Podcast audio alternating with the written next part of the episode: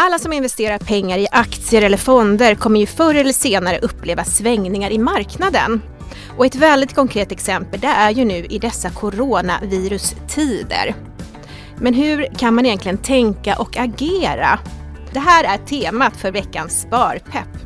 Jag heter Erika Papagiannopoulou och med mig i studion så har jag Nordeas sparexpert Anders Stenkrona. Hej hej. Hej hej! Och chefsstrateg Johan Larsson. Ja, hej hej. Hej! Välkomna till Sparpepp. Tackar. Tack så mycket.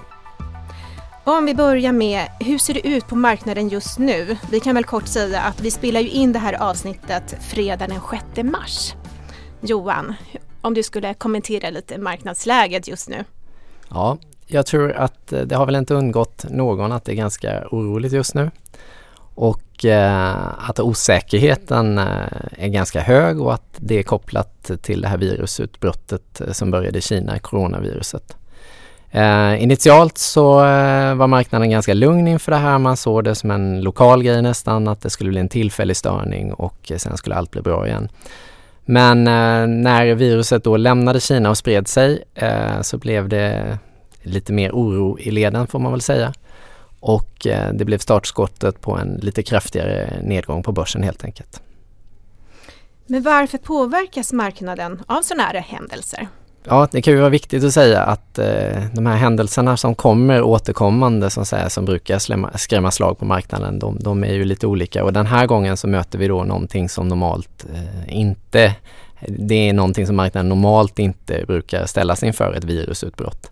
Det finns ganska få referenspunkter och sådär. Men vad man, vad man kan säga då det är ju att det finns inget vaccin och eh, det absolut bästa sättet att ta tag i problemet verkar ju då vara att sätta eh, framförallt personer och människor i karantän. Och det innebär ju då att man tillfälligt får ställa ner, stänga ner fabriker och produktionsanläggningar och folk får sitta hemma och i karantän och sådär och då, då stannar det helt enkelt. Och Anders, ett ord som man kan höra ofta i dessa tider, det är ju ordet volatil. Men vad innebär det att marknaden är volatil? Ja, det är en jättebra fråga. Volatil, det är ett annat ord för risk. Det är liksom man, man, man använder ordet volatil som ett samlingsbegrepp för olika typer av risk. Normalt sett menar man alltså standardavvikelse. Det vill säga hur mycket rör sig marknaden utifrån sitt normalläge. Rör den sig mer eller mindre, och då brukar man prata om volatilitet. Och det finns till exempel ett volatilitetsindex som visar just hur volatil marknaden bedöms vara. Så den, den spikade ju här vid månadsskiftet när, där corona-grejen blev, blev väldigt läskig. Då, då spikade den till väldigt, väldigt höga nivåer. Det, det, visar på något sätt sentimentet i marknaden. Nu har den ju lugnat ner sig en aning men den ligger fortfarande på en väldigt, historiskt sett väldigt hög nivå. Så att man kan säga att den ligger runt 30 istället för runt 15-20 som den har legat på de senaste fem åren. Men Johan, vad kan en ökad spridning av coronaviruset ha för effekter på ekonomin? Så fort viruset spred sig utanför Kina så, så blir det ju då effekten på den globala ekonomin större och större. Det blir alltså fler människor som hamnar i karantän och sådär. Och överlag så blir ju folk försiktigare nu så att det, det kommer från två håll. Dels på produktionssidan och dels på efterfrågesidan helt enkelt. Och givetvis ju större spridningen blir, ju, ju, fler människor blir det som sätts i karantän eh, och som, som då sitter hemma istället för att göra sina inköp och handla och sådär. Och eh, när fabriker stängs ner runt om i världen så blir den påverkan på den globala ekonomin i det korta perspektivet större.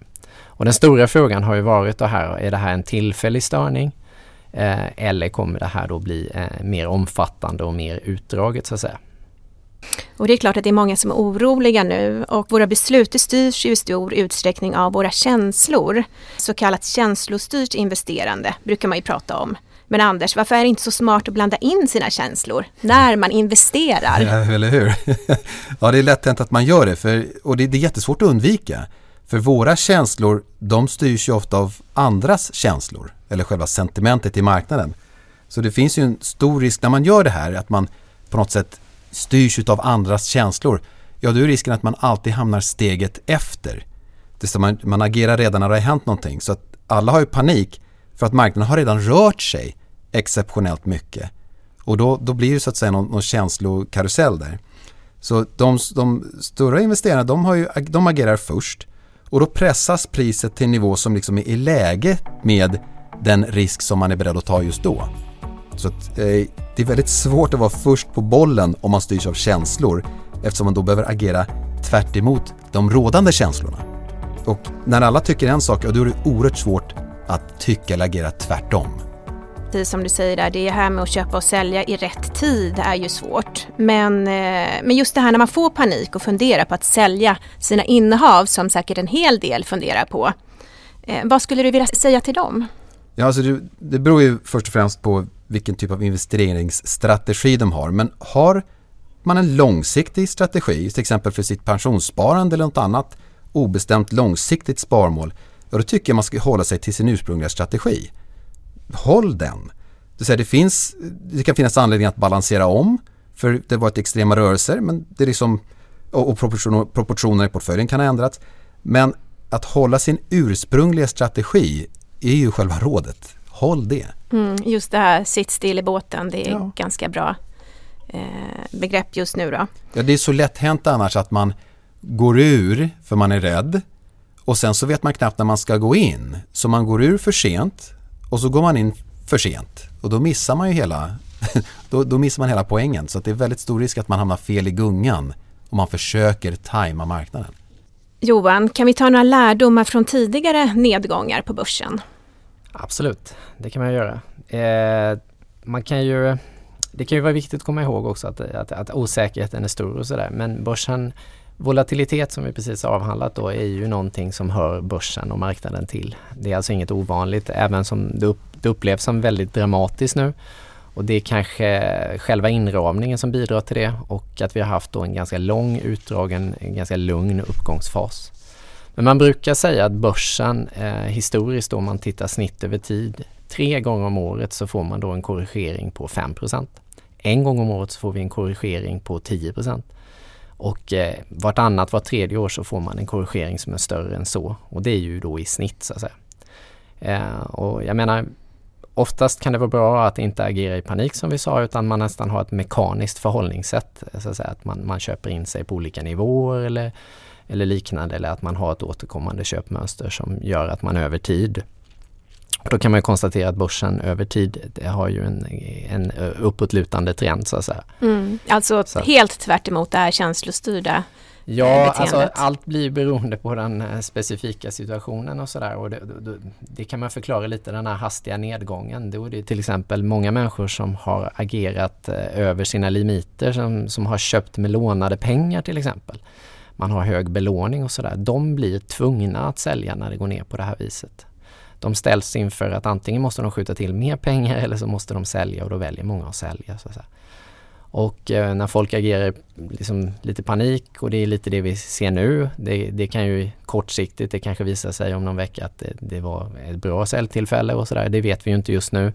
Men vad som händer är ju att folk tar ut pengar ur fonder och fondförvaltarna har inget alternativ. De måste alltså sälja sina fondandelar för att eh, få fram kapitalet som folk efterfrågar då. Och de som har pengar som sitter och tittar på just nu, de, de väntar liksom på att det här tvångssäljandet eh, ska bedarra helt enkelt. Den vanliga spararen som kanske vill komma igång med att investera och spara, eh, de blir lite avskräckta nu kanske. Men hur, vad skulle du vilja säga till dem? De som alltså är lite osäkra i dessa tider. Ja, det är helt förståeligt och det är väldigt bra som Johan säger att man, man gör det nästan till en mekanik. Och om man inte ens har börjat spara, man säger när ska jag börja?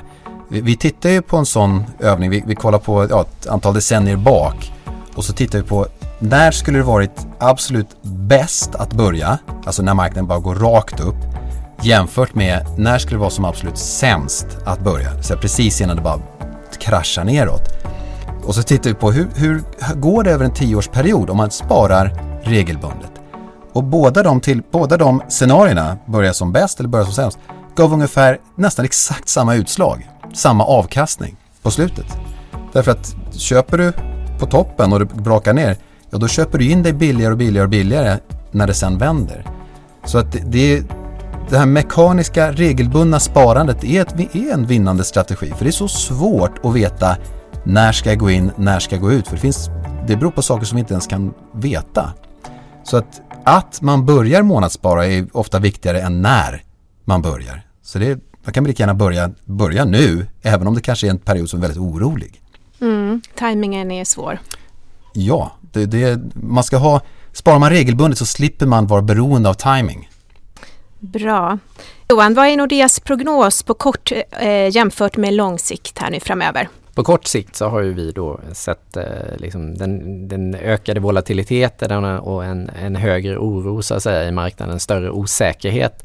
Det har fått oss att, att då vikta ner aktiedelen och aktier får man inte glömma, det är ju ändå i ett portföljsammanhang eh, den mest eh, riskfyllda tillgången och då har vi valt att vikta ner. Vi går alltså från övervikt till en neutral vikt.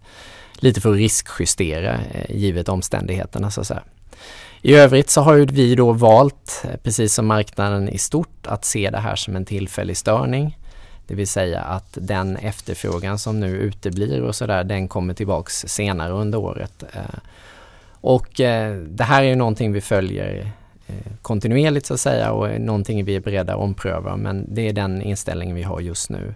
På lite längre sikt så, så gör vi inga förändringar eller sådär utan det kan vara bra att vara medveten om att det har varit en lång och utdragen konjunktur och sådär och att värderingarna har kommit upp men det har de ju gjort av en anledning också. Så att, säga, att eh, allt som händer runt omkring och med stimulerande eh, centralbanker och sådär som driver ner eh, pri, priset på andra tillgångar och sådana här grejer. Men vi gör inga förändringar på lång sikt och på kort sikt så har vi valt att bli lite mer försiktiga helt enkelt just nu. Det börjar bli dags att runda av. Har ni någonting som ni vill avsluta med att skicka med till lyssnarna i dessa tider? Där en del är lite oroliga ändå kring sitt sparande. Anders? Ja, det är att inte låta känslorna ta överstyr. Det är så lätt att man rycks med och då att komma ihåg att man rycks med därför att det har redan hänt saker. Så jag, jag tror att har man en långsiktig strategi, vilket vi uppmanar våra investerare att ha, låt då den regelbundna sparandet vara till din fördel. Det är det, är det medskick jag vill göra. Och Johan, har du något du vill skicka med till lyssnarna? Ja, men jag är väl inne på lite samma spår där och eh, jag har en, en, eh, så att säga, en historia av att jobba mycket med institutionella kunder också och just det här det är jättesvårt att tajma en botten, det är jättesvårt att tajma en topp.